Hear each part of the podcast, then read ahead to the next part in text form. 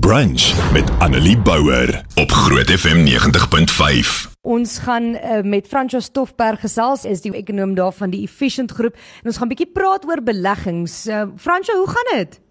Goed en jy, goed en jy. Nee, hoorie, dit is verskriklik lekker om jou vir 'n slag bietjie op radio te hoor en nie net op die groot ontbyt nie. Daar sê, daar. Hoorie so Francois, ons moet asseblief bietjie gesels vandag oor beleggings en jy ken my nou ja. al 'n rukkie. Ek weet boggerel van die goed af soos in regtig niks nie, maar dis hoekom ek jou het. Dis nie wie jy is nie, is wie jy ken. Daar sê ek stem saam, ek stem saam. okay, so kom ons val met die deur in die huis vir mense wat nie weet nie. Nommer 1, wat is 'n belegging? 'n Belegging. Dit ja, dit is seker die dis seker die beginpunt. Dis die beginpunt. Maar, maar eintlik voor mense belegging kry, dink ek is belangrik ehm um, is hoe bekom mense belegging en jy bekom natuurlik 'n belegging deur minder te spandeer as wat jy inkry elke maand. En dis eintlik ek dink waar die waar die groot kruks van hierdie hele gesprek rondom finansies, persoonlike finansies, beplanning, langtermynbeplanning, wat los ek my kinders alles is jy moet dit sodanig probeer regkry om elke maand ehm um, minder uit te gee as wat jy inkry of dan as jy 'n vaste bonus het wat jy elke jaar kry, 'n 13de cheque byvoorbeeld, dit dan altyd te oormerk vir ehm um, jou jou beleggingsgedeelte. Jy wil jy wil probeer om die syfer sê ten minste 10% van jou salaris Uh, maar dis nou voor aftrekkings voor belasting na gesê jou gross salary is nie die nie die bedrag wat in jou bank inkom nie die bedrag voor dit. Jy wil 10% van dit ten minste belê so nou is dit 'n belegging is. Uh, maar daai syfer wil jy eintlik oor tyd bietjie meer maak nader aan 20% en uh, so so meer 'n ideale syfer wees. So as jy dit reg kry en dis nie iets wat oornag gebeur nie ek wil dit net ook noem.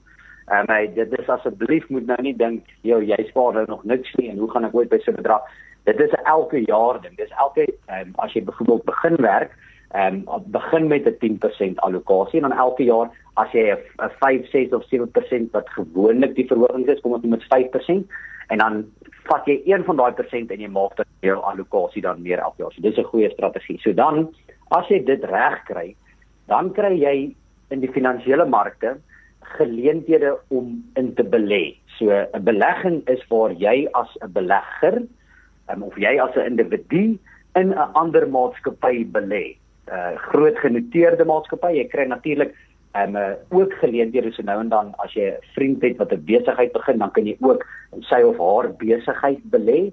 Dit is natuurlik gewoonlik 'n bietjie meer riskant um, as om in die finansiële markte te belê. So 'n goeie beginpunt as jy 'n salarisstrekker is, um, is om minder te spandeer as wat jy inkry en dan in groot genoteerde maatskappye te belê.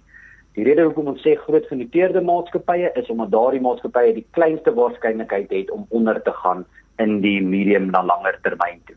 En nou waar as ek nou in 'n klein besigheid gaan belê, my vriend se besigheid, my familielid se besigheid, my eie besigheid, natuurlik dan is daar 'n hoër kans dat daai belegging kan kan vrot gaan. Maar is dit goed genoeg 'n inleiding?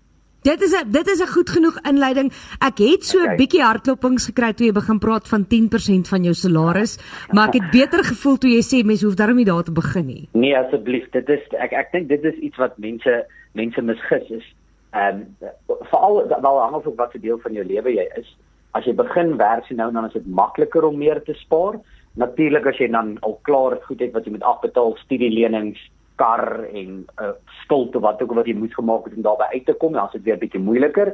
Uh maar wat mense uh, vergeet is dat dit word eintlik makliker om te spaar hoe ouer jy word, maar dit is meer belangrik om te spaar as jy jonger is en eintlik nie kan spaar nie. Oh, Want da, ja. die ja, so ek gaan ek sal dit nou vir jou afpak. So as jy ouer is, kom ons sê jy's ek mense kry of in die verlede het mense gekry rondom 25 dis nou 'n bietjie ouer nader aan 30 maar kom ons werk met die 25 dan teen 20 is meeste van hulle al amper uit die huis so dan jy 45 so as hulle so by tussen 45 en en en 50 uit die huis uit is dis gewoonlik waar families eintlik eers gelyk breek en baie surplus het elke elke maand om dan te kan meer te kan spaar Die probleem is egter dan het jy net omtrent nog 20 jaar oor om te spaar voordat jy aftree op 65 of 67 afhangend van wanneer jy nou meer begin spaar. So jy het eintlik net die helfte van die tyd nog oor.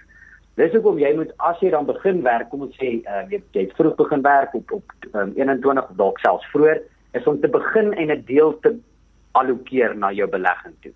En dan elke jaar soos ek sê, as jy dan is of net 'n salarisverhoging kry of 'n bevordering of nog 'n job kry om seker te maak dat jy van daai geld ook begin eenkant sit en jouself so op te werk. Maak dit sin? Dit maak heeltemal sin. Uh, ek okay. moet sê ek was nie een van daai mense wat vroeg begin spaar het nie, maar is okay. Ons ek ek sal daar kom. Hoorie so. So nou praat mens baie. Ons praat baie met wat ons op radio dan sê ons baie keer ons praat met 'n finansiële adviseur. Wat presies is 'n finansiële adviseur se werk en hoe kies mens die regte een vir jouself? Ja, yes, ook 'n baie goeie vraag. Nou 'n finansiële adviseur se werk is om vir jou finansiële advies te gee, maar daar's 'n caveat. Finansiële adviseur in Suid-Afrika kan net vir jou finansiële advies advies gee op gereguleerde um, wat mense produkte en dienste. Menend uh daardie produkte wat jy die wat is hulle naam die dis die F FSCA in in Engels Financial Services Conduct Authority. So dis die ouens wat reguleer in Suid-Afrika wat val onder hierdie milieu van 'n finansiële produk. Nou in Suid-Afrika val sekere bates byvoorbeeld nie uh, 'n uh, deel van daardie milieu nie. 'n Huis byvoorbeeld, 'n kar. Dit is eintlik groot aankope wat jy in jou lewe maak, ja. maar dit word nie gereguleer deur die FSCA nie. So jou finansiële adviseur kan eintlik nie vir jou advies gee daarop nie. So dis 'n groot tekortkoming in Suid-Afrika se huidige finansiële sektor. Dis nie so byvoorbeeld in Amerika nie hulle finansiële adviseurs gee vir jou advies oor jou hele lewe eintlik as ek dit so kan so so, so kan stel. So as jy met 'n finansiële adviseur praat, is dit belangrik om te verstaan dat ehm um, jy sal as jy met 'n finansiële adviseur begin praat, moet hulle vir jou 'n letter of introduction gee en op die letter of introduction gaan daar staan watter produkte en dienste is hulle geregtig om te gee. Nou ons ehm um, ons glo of ek glo persoonlik ook in onafhanklike advies. Wat ek daarmee bedoel is uh, as jy by sekere met sekere adviseurs praat, ek gaan ek wil nie name noem nie. Nee, asseblief uh, nie. Maar maar, maar almal daar is sekere maatskappye wat net hulle produkte verkoop. En ek ek ek het al genoeg geleer om te weet dat een maatskappy kan nie die beste in alles wees nie. Jy het Microsoft en Apple nodig. Jy het Amazon en Alibaba nodig. Jy het jy verstaan wat een maatskappy kan nie alles doen. Jy het ja. Absa en 'n FNB nodig. Ehm um, jy in, in op 'n groter skaal het jy JP Morgan en 'n Morgan Stanley nodig. As jy nou na die wêreldmark wil kyk. So een maatskappy kan nie alles doen. Daarom ek ek kan nie dink dat een adviseur alles kan doen nie. So vir vir ons ons glo in onafhanklike advies, menend dis 'n adviseur wat almal se produkte kan verkoop. Het sy dit Discovery, het sy dit Bestmet, het sy dit Investec, het sy dit in daai adviseur, so ek kan vir jou beter adviseer want hulle kan uit die bestes uittrek want in my in in in in my oë is daar seker is wat die beste is vir 'n spesifieke individu en ek wil graag vir daai spesifieke individu sy beste kans gee of haar beste kans gee en uh, om die beste versekerings te hê, die beste mediese te hê, die beste lewensdekking te hê, die beste potensiële beleggings te hê. En dit kom van onafhanklike advies. So adviseer gee vir jou 'n letter of introduction, die adviseur gaan vir jou sê hy is geregtig, hy moet eintlik vir jou sê hy is geregtig om net hierdie produkte te verkoop of as jy sien alles is van een produkverskaffer, dan moet jy vra vra. Hoekom ja. kom al die produkte wat ek by jou kry van een produkverskaffer af? Hoekom is al my beleggings by een produkverskaffer? Daar's wat ons noem um, in in batebestuur wêreld 'n um, konsentrasierisiko. En dis as al my beleggers nie noodwendig by een adviseur is nie, dis belangrik om te weet, maar by een beleggingshuis, by een batebestuurder, by een maatskappy is wat dit bestuur. Dan vat dan voel ek kan mense se nou en dan um, 'n konsentrasie risiko neem. So finansiële adviseur, iemand wat jou finansiële advies gee. Nou iemand het vir my 'n WhatsApp gestuur en uh, hulle sê anoniem want ek wil nie dom klink nie. Toe sê ek toe maar ek sal dom klink namens jou. Hulle, hulle wil weet wat is dan die verskil as as jy praat van versekerings en medies en sulke tipe goederes, wat is dan die verskil tussen 'n finansiële adviseur en 'n makelaar? Die eerste is dit om tren dieselfde ding. Uh gaan ek dit maar rowwerk gesê jy kry 'n makelaar word so nou dan gesien as iemand wat 'n spesialis is en hy verkoop een spesifieke produk. So dis wat ek min of meer aflei uit hierdie vraag uit.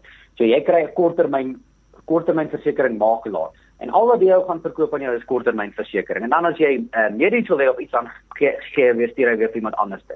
So jy kry ouens wat spesialiseer in korttermynversekering, langtermynversekering of lewensdekking in medies en X, Y en Z en al die ander goed.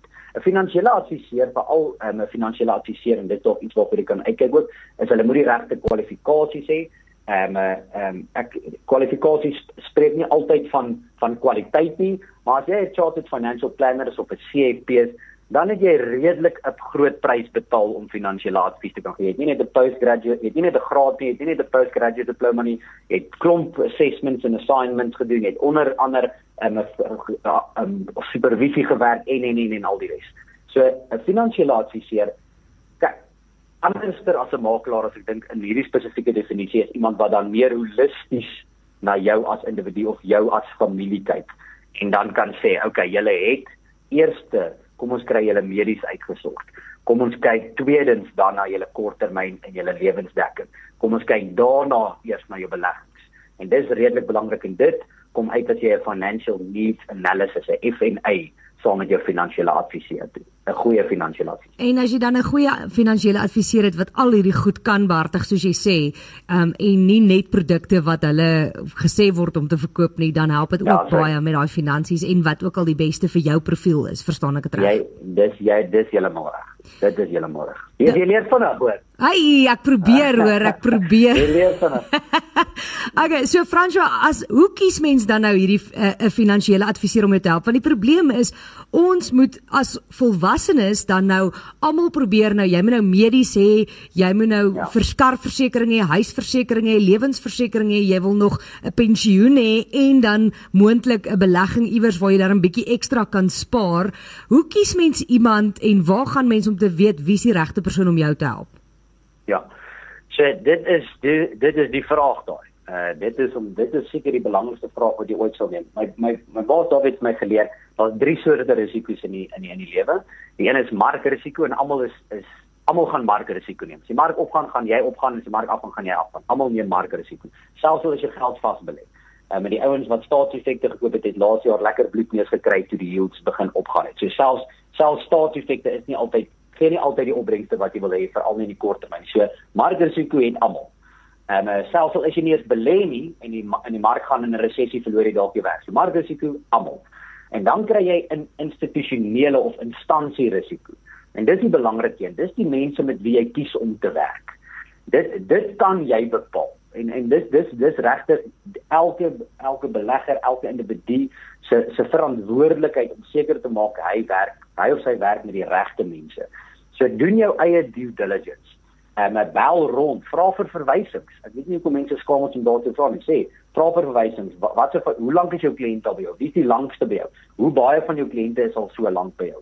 Ehm um, sodat jy meer inligting kan kry oor die spesifieke finansiële adviseur. En dan dit help as jy met 'n 'n 'n reputable maatskappy werk. Jy al die die groot name in Suid-Afrika gaan redelik hulle naam beskerm as ja. ek as ek as ek dit so kan stel. So uh, hulle gaan seker maak die adviseur maak nie sommer droog met jou nie. So dit dit daar is bietjie veiligheid daar en hulle is al lank in die game. Ehm um, hulle weet hoe om hoe om kliënte te beskerm en en, en gelukkig te hou. So doen jou eie due diligence, maak seker dit is dit help as jy met 'n reputable maatskappy maatskappy werk. Ek is ek is daar definitief 'n plek vir vir uh, kleiner adviseurshuise en ouens wat net 'n paar adviseurs saamwerk, ehm um, veral in kleiner gebiede ehm um, in, in, pla in plaaslike gebiede waar daar nie ehm um, jy weet 'n groot verskeidenheid is nie. Yes, dit is die ou of vrou met wie jy kan gaan praat, maar uh, jy moet verstaan dat daar vyf mense het net soveel ekspertise. As ek met 'n maatskappy met 50 mense werk, is daar meer ekspertise. Dit is maar net hoe dit werk. Ja. So, in hierdie geval the more the more is the merrier. The, the more, more is the meer, the more is the merrier. Meer is beter. So um, ek dink jy moet bewus wees van dit en ek dink jy moet weet dat daar is baie kansvatters. Daar is baie charlatans. Ehm um, ek dink die FSCA het baie werk gedoen om seker te maak en die, die ombuds het baie se, harde werk gedoen om seker te maak dat uh, finansiële advies advies op standaard is in Suid-Afrika.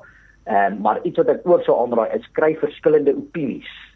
En ja. moenie net moenie net na een ou toe gaan en aanvaar nie. Ehm um, ek het ek het nou onlangs weer 'n geval gehad van 'n kliënt wat na ons toe kom en sê hierdie is die advies wat hulle by X X maatskappy gekry het en toe sê ek ek sien die advies wat hulle wou gee vir hierdie rede sou ek nie dit gedoen het nie en die persoon kan dan self 'n besluit gaan neem van daar af. Ja, dit bly tog jou finansies. Ek dink ek dink dit is wat mense nie altyd verstaan nie. Ehm um, dit dit is moeilik as mens nie die die beleggings verstaan of die wêreld verstaan of of weet hoe die goed werk nie. Ehm um, maar mens moenie bang wees om te vra nie want dit bly jou geld en ek dink dit is wat mense moet onthou. Nee, so. Net so, net so, net so, net so. Hoorie Frans, ons tyd se amper verby, eintlik al lank of verby, maar ek het nog baie vrae, maar ek gaan nog een vraag vir jou vra okay, wat nou wonderlik. ingekom het. Uh anoniem weer eens, lyk like my almal te bang om vrae te vra. Hulle sê, "Dink jy dit is riskant om self die markte aan te durf met byvoorbeeld 'n aanlyn applikasie soos uh Easy Equities of something? En is daar 'n manier waar wat okay, mense dit self kan doen?" Nee, daar is definitief 'n manier. Ehm um, daar is hulle noem dit digital first of digital platforms. Uh jy gaan dan wel met die skoolgeld moet betaal. Uh en ek dink dit is dis die belangrikste les. Die die maatskappye, die groot maatskappye, die maatskappye wat ons ken, hulle betaal al skoolprys vir 20, 30, 40 jaar. Uh so as jy is meer as welkom om te doen. Uh ek sou soos ek sê, net seker maak dat jy jy jou risiko reg bestuur.